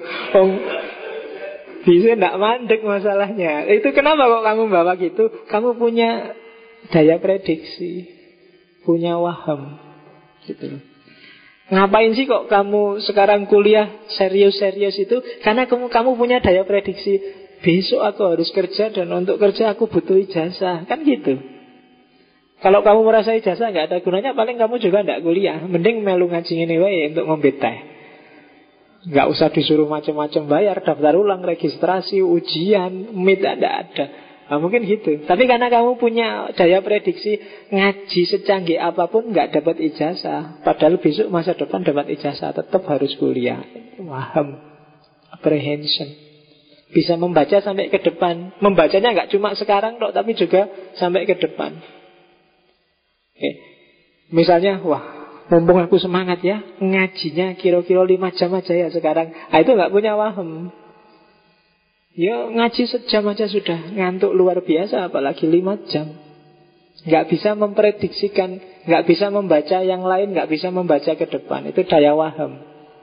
Kayak khutbah Jumat, nggak selesai-selesai. Nah, itu khotibnya, apprehensionnya perlu dipertanyakan. Daya prediksinya gimana? Nggak membayangkan jamaahnya yang selak kuliah, selak apa, khutbah sampai jam satu seperempat misalnya. Wah itu kan Jamaahnya dehem-dehem juga nggak paham-paham dia. iya. Oke, jamaahnya sudah ah itu dia. Wah, tidak diurusi dianggapnya seneng dehem-dehem itu. Terus kewai. Jamaahnya sampai pegang-pegang arloji. Wah, tambah semangat dia. Islam menghargai waktu saudara-saudara. Ditambahi ceramah tentang waktu. Saya dowen Sampai sama sampai gini-gini. Oh, tidak paham-paham tetap. Hitan itu memang sunnah dalam Islam. Tambah tema lagi. Oke. Okay. Tidak bisa membaca. Ada orang kedap-kedap gini dia nggak bisa memprediksi karepe apa to kedap gue ya. Berarti daya wahamnya nggak canggih. Kayak kamu lagi kan kadang-kadang kalau saya masuk kelas ada mahasiswa yang di depan lagi nulis-nulis apa di papan. Temannya dosennya dia cuek aja begitu. Begitu lihat, wah ada dosennya malu ya. Dia nggak paham. Kok coba tadi dia tanggap dehemnya temennya, dia bisa selamat. Karena daya pahamnya nggak canggih, dia kena wis. Fantasi. Kalau fantasi daya hayal. Jangan salah, daya hayalmu harus hidup. Kalau daya hayalmu mati, kamu gak akan jadi orang kreatif. Bahkan dalam banyak hal kamu akan kalah. Barat yang positifistik, justru di situ daya hayalnya luar biasa. Daya hayal inilah nanti yang membedakan secara banyak loh ya hewan dan manusia. Kalau intelek sekedar daya rasio, beberapa hewan punya kadar berpikir tertentu, tapi daya hayal tidak punya. Hewan tidak bisa menghayal kira-kira kalau aku jadi manusia gimana ya? Tak coba jajal pura-pura jadi manusia enaknya, tidak, bisa. Harus punya daya hayal. Daya hayal nanti dekat dengan mutahoyilah. Itu bedanya hayal. Kalau mutahoyilah itu imajinasi. Kalau hayal itu bisa nggak ada dasarnya sama sekali. Kalau imajinasi itu menggabung-gabungkan pengetahuan yang selama ini sudah kamu miliki, kamu gabung-gabung jadi sesuatu yang baru. Itu imajinasi. Kalau hayal bisa ngawur sama sekali. Tanpa perhitungan. Tapi juga penting. Kalau di Ibnu Arabi itu yang disebut creative imagination. Kamu harus punya daya imajinasi. Oke, misalnya bentuk gelas kok kayak gini ya, itu kan pakai daya imajinasi dulu bikinnya. Yang zaman dulu mungkin nggak seramping ini, mungkin agak besar kayak ember itu sekarang ganti kayak gini, mungkin dulu kan gitu. Lo itu kan hasil karya imajinasi. Ah, begitu ini kok susah ya ngangkatnya kalau Tehnya panas gimana? Oh, dikasih pegangan. Nah, terus ada gelas yang ada pegangannya. Itu daya imajinasinya lebih tinggi berarti.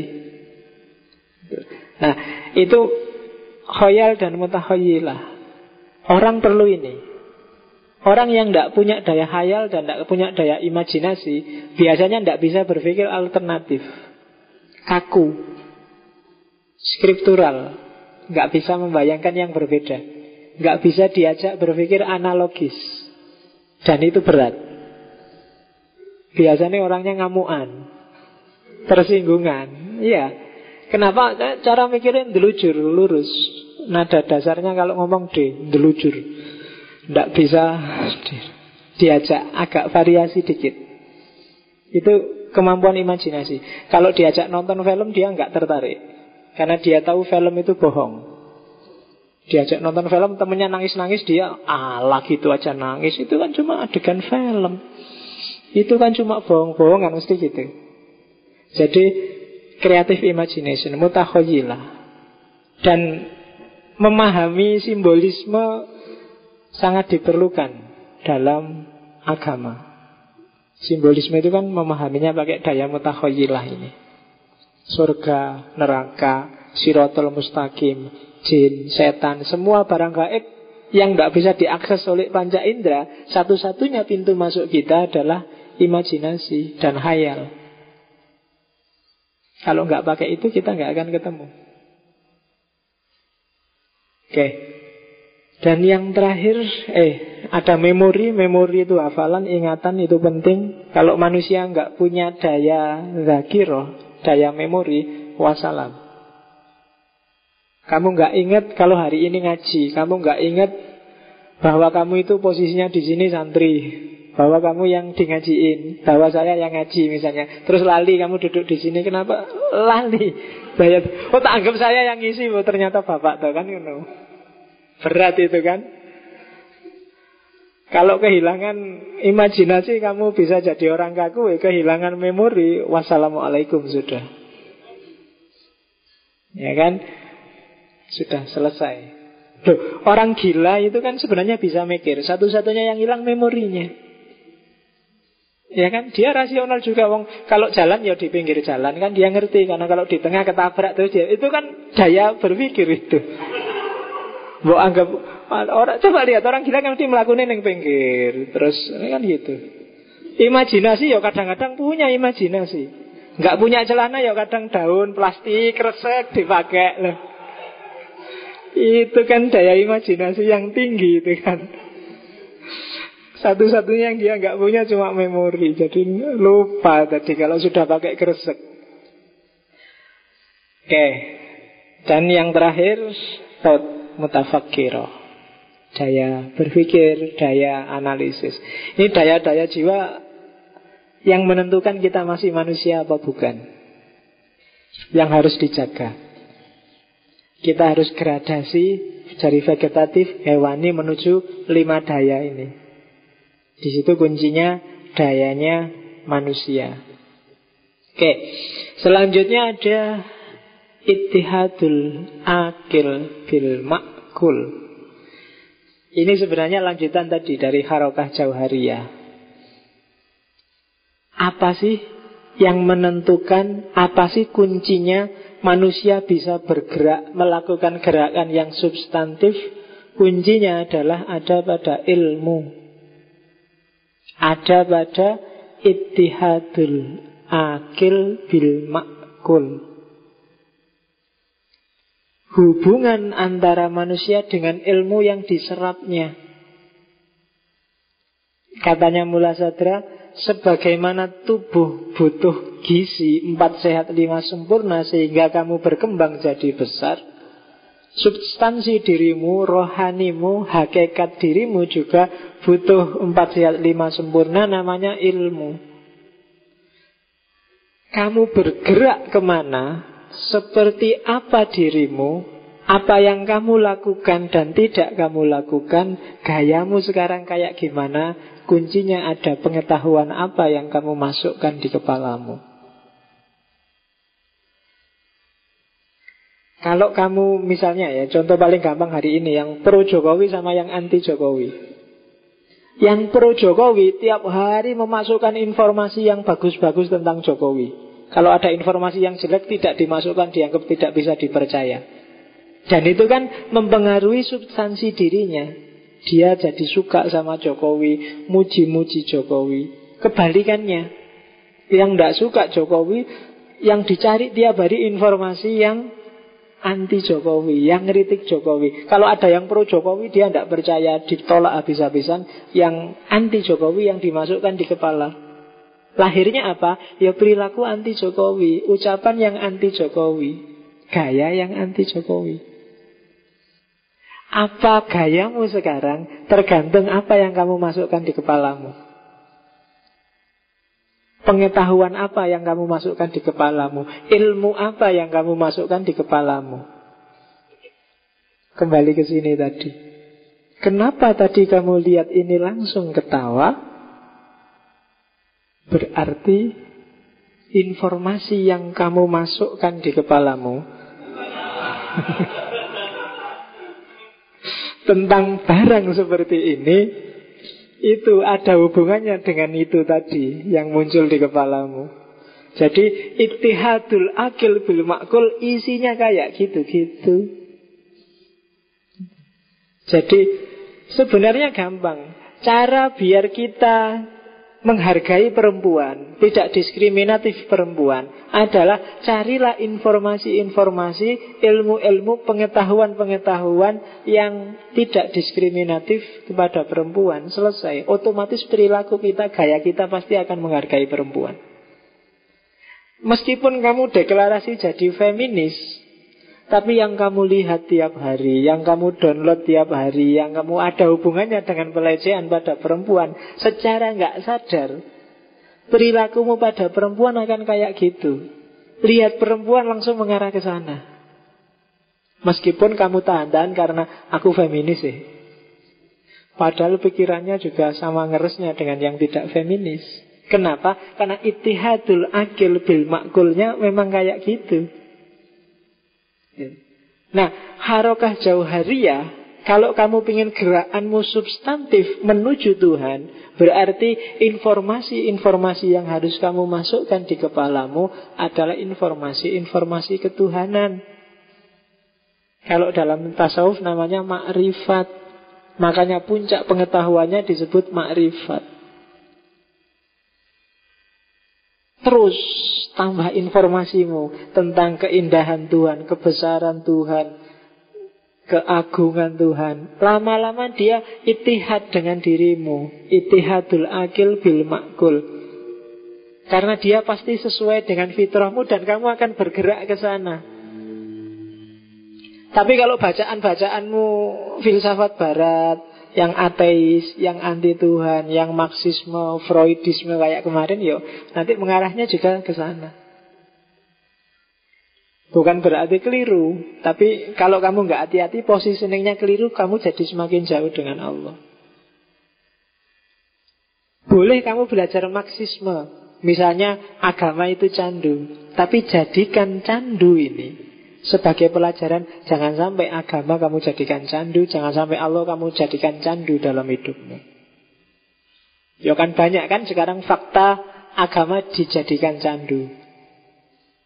Tak lihat ada beberapa postingan di Facebook waktu orang ribut tentang BBM terus dia posting. Jangan marah dengan BBM. Ingat saja, pasrah saja pada Allah Karena Allah itu yang menjamin rezeki dan seterusnya. Ini yang dimaksud agama jadi candu. Dengan baca ini Kamu diharapkan Sudah, nggak usah BBM lagi. Allah yang ngatur rezeki kita. Itu yang dimaksud oleh Mat Agama sering jadi candu. Kamu jangan malah ikut-ikutan Mat Agama dijadikan candu. Agama harus dijadikan semangat untuk bergerak Buktinya para ulama sufi bisa mendirikan dinasti kok. Apalagi tukang demo. Harusnya lebih bisa lagi kan gitu karena gerakannya lebih bisa luas daripada kiai ulama sufi. Kan tidak membayangkan kan ulama sufi kok teriak-teriak anti BBM kan nggak masuk akal. Kalian yang lebih bebas.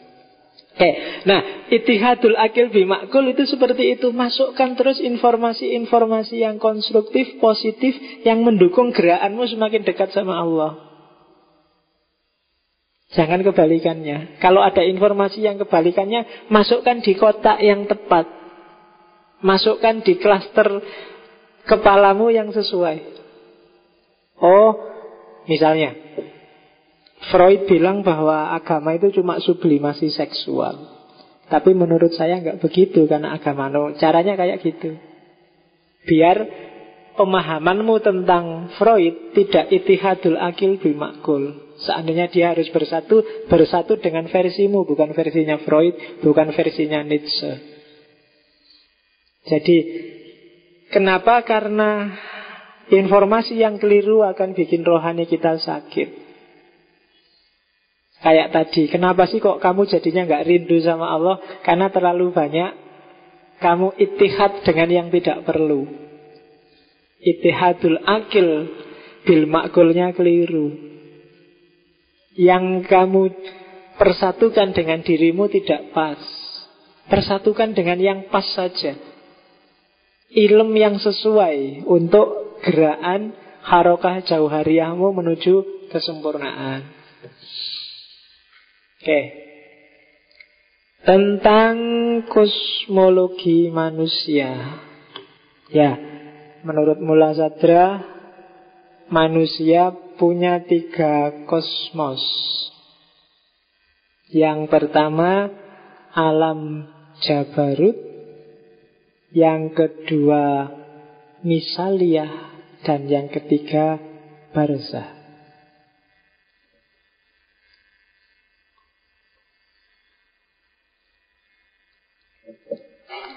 Alam Jabarut itu alam fisik. Tangan, kaki, hidung, mata, kumis, rambut, alam fisik. Kalau misalnya itu alam intelektual. Rohani. Dan barzah itu alam perantara. Kayak alam barzah itu kan kubur itu kan perantara dari dunia nyata ke akhirat. Barzah juga alam perantara antara alam nyata dan alam rohani. Jadi ada talinya yang menghubungkan antara fisik kita dengan rohani kita namanya barzah. Nah, tubuh manusia itu ada yang di alam fisik, ada yang di alam barzah. Cuma yang di alam barzah itu sifatnya rohani. Kalau menurut Mula Sadra itu kayak cermin, kayak imajinasi kita dalam mimpi. Mimpi itu kan nggak ada materinya, nggak ada ruangnya. Tapi tetap kamu ketemu materi kan dalam mimpi.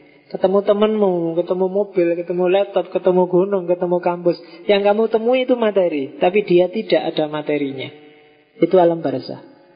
Nah, nanti di hari kiamat, ini kan dia Mula Satra mencoba mengatasi perdebatan antara Ibnu Rus dan Ghazali. Yang dibangkitkan itu ya jasad kita, cuma bukan jasad fisik yang duniawi, tapi jasad fisik yang tadi barzakhi tadi. Jasad fisik yang bisa ditemui di mimpi, jasad fisik yang bisa ditemui di imajinasi. Kan ada perdebatan antara Ghazali dan Ibn Rus, meskipun nggak sejaman. Katanya Ghazali mengkritik Ibnu Sina bahwa katanya Ibnu Sina besok yang disiksa itu rohaninya. Karena jasad kan sudah hancur. Begitu dikubur di tanah. Ghazali nggak setuju.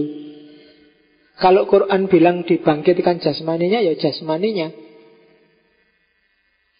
Toh Allah bisa membangkitkan lagi. Jasmani yang hancur jadi utuh lagi. Katanya Ibn Rus Ya kalau gitu Allah tidak adil dong.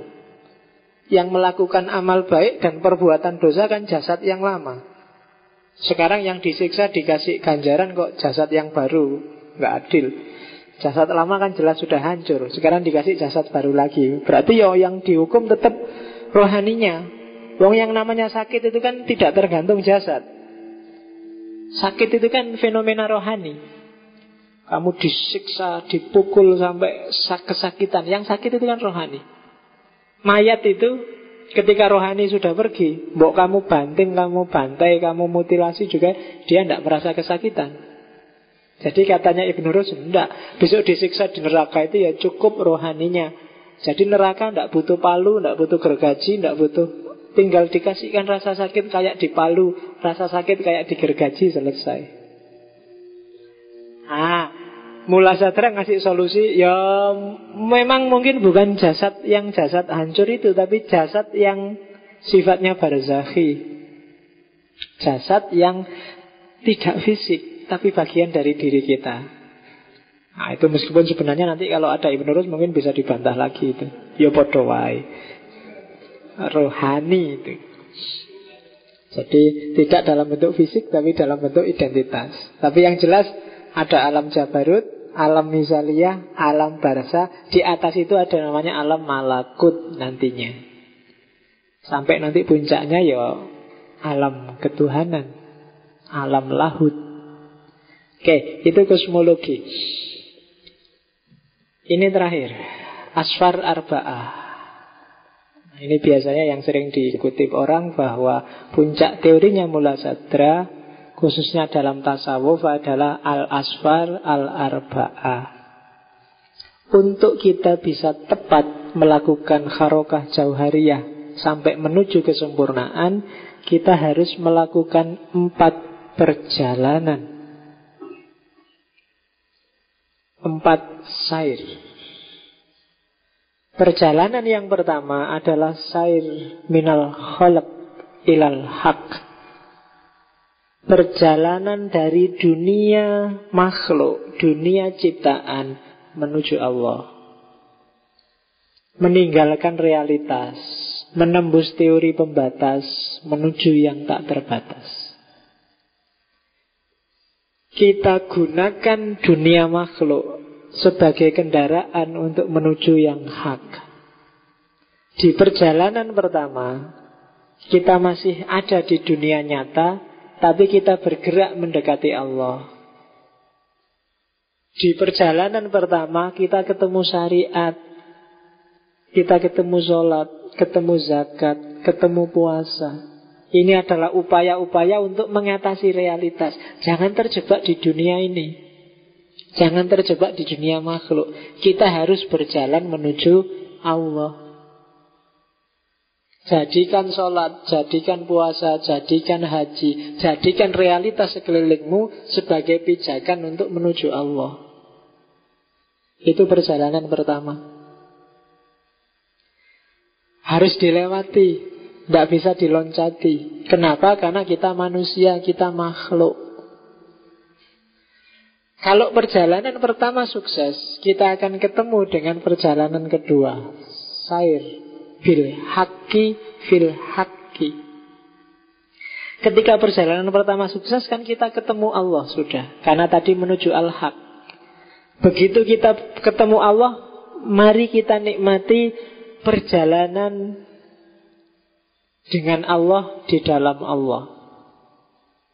Biasanya ini yang dilakukan oleh para sufi. Uzlah, riyado, suluk, kasyaf, makrifat, itihad, hulul, dan lain sebagainya lah. Konsep-konsep sama. Itu kan perjalanan bil hak fil hak. Perjalanan di dunia lahud, perjalanan di dalam Allah. Perjalanan kedua. Setelah tadi kita nyampe di Allah lewat kendaraan pertama. Kalau kita sukses mengembarai dunia ketuhanan, saatnya kita kembali. Jangan berhenti di sana. Karena umat masyarakat juga butuh pencerahan seperti kita.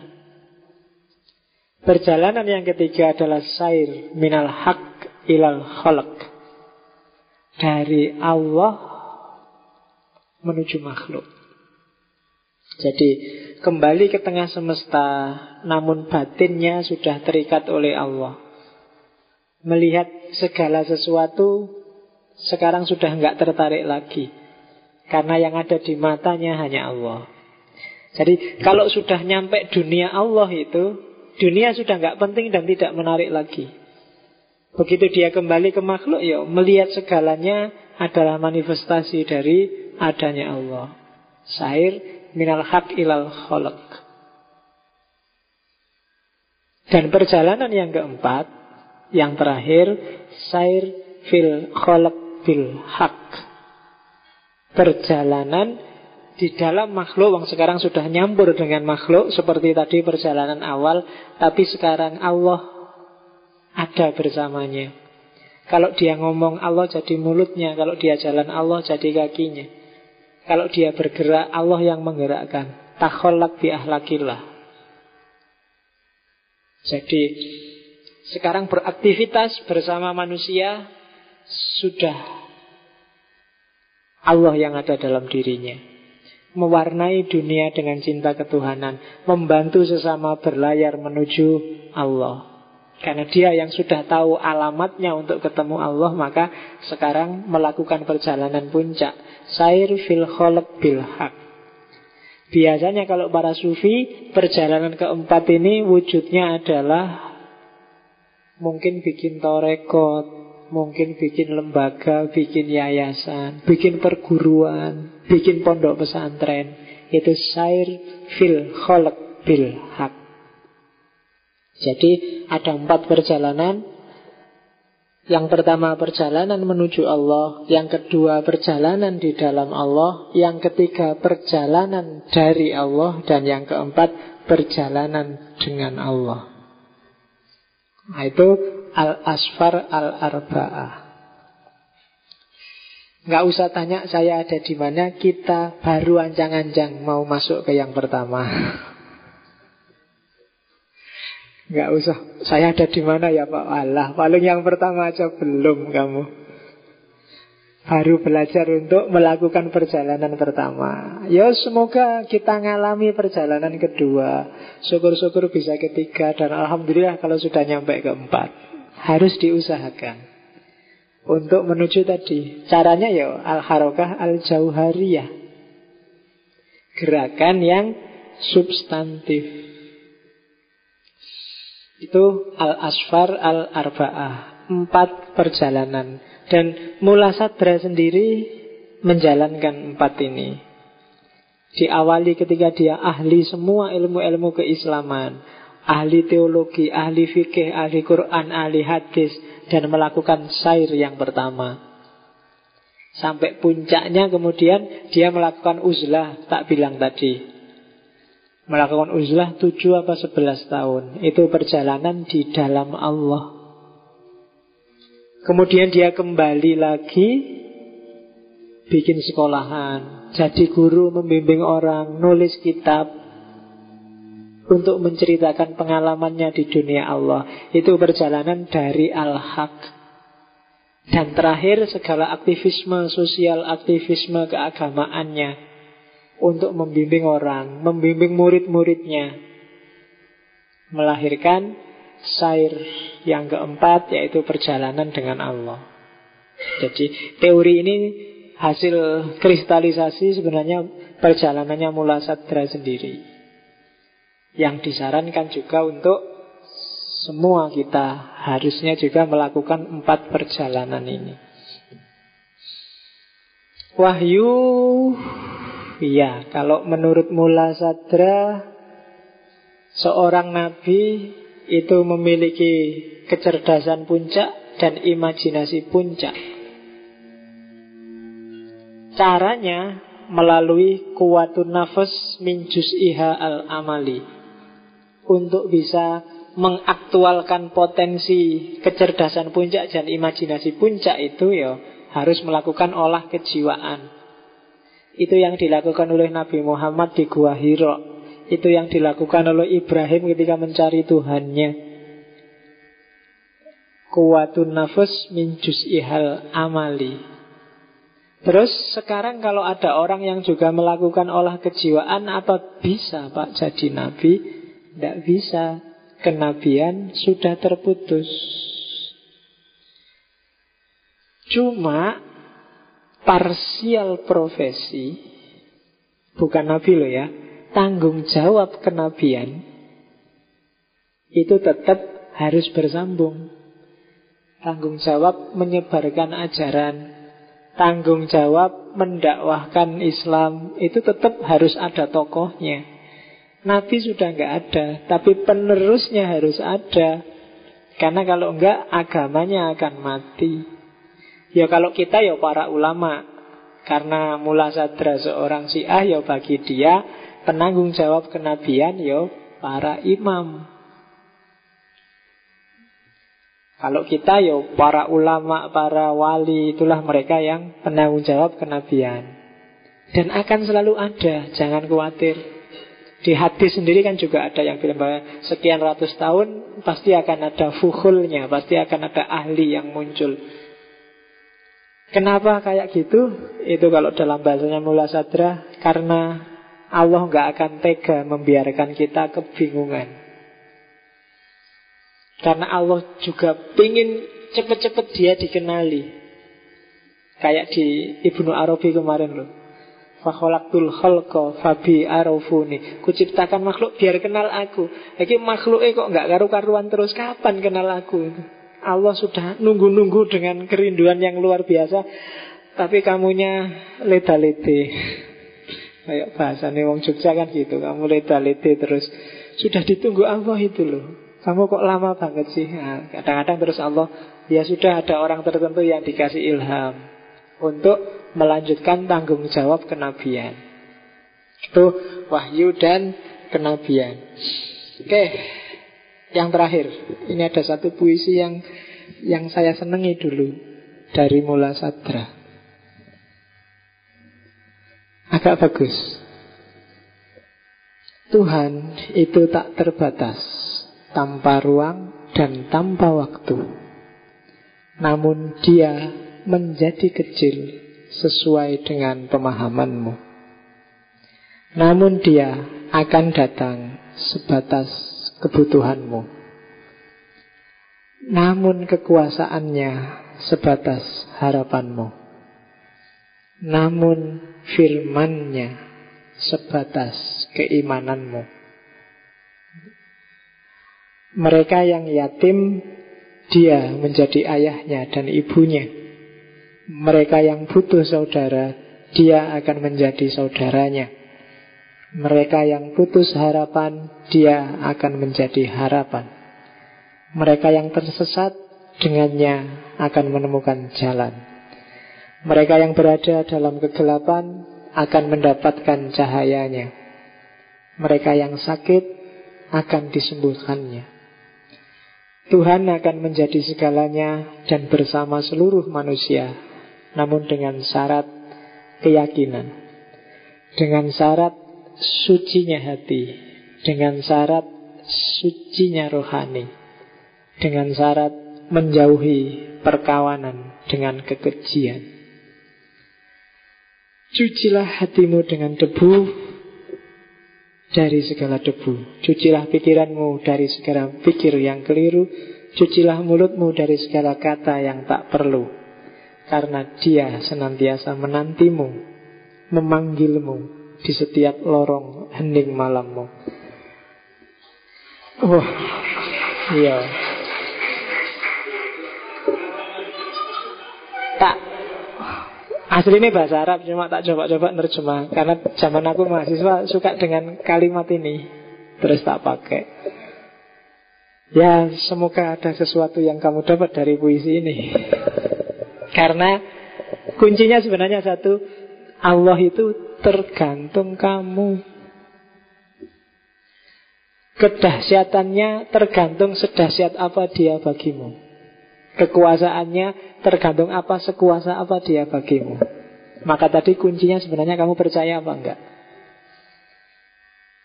Kalau kamu mintanya cuma ya Allah satu miliar aja deh, nggak banyak-banyak, yo, yo, ya kan sebesar itu seandainya dikabulkan. Dianggapnya Allah nggak bisa kalau dua miliar. Kayak kamu misalnya kamu sedang mau ujian Di rumah bapakmu sakit Ya Allah saya nggak lulus ujian juga nggak apa-apa Asal bapakku sembuh. Loh, Emangnya Allah nggak bisa kamu lulus ujian dan bapakmu sembuh? Kok kamu negosiasi doanya kok nanggung gitu? Doa semuanya nggak apa-apa Karena kekuasaan kebesaran Allah Sejauh kamu yakini sebesar apa kuasanya dan kebesarannya Oke, itu mula sadra dari uh, iluminasi tradisi Persia saya akhiri sampai di sini. Minggu depan kita kembali ke barat ke era postmodern. Jadi akan saya seling-seling barat timur, barat Islam, barat timur Biar kamu nggak nganggep satu-satunya yang benar itu barat Atau satu-satunya yang benar itu timur Karena filsafat itu agak tricky. Setiap kali kamu belajar tokoh atau klaster keilmuan filsafat Seolah-olah itu yang benar. Kemarin belajar Surawarti Wah iya Surawarti ini bagus benar. Sekarang Mula Sadra. Wah lebih benar Mula Sadra Selalu gitu. Itu kalau saya mandek di barat terus Kamu akan jatuh cinta sama barat. Bagus ini barat. Makanya tak selingi di Islam. Cuma kalau saya ngomong Islam terus Kamu akan Pengetahuan filsafatnya akan nggak akan update kamu akan terkungkung di masa lalu era Islam klasik. Maka tak kembalikan lagi ke barat. Dan akan tak bolak-balik kayak gitu.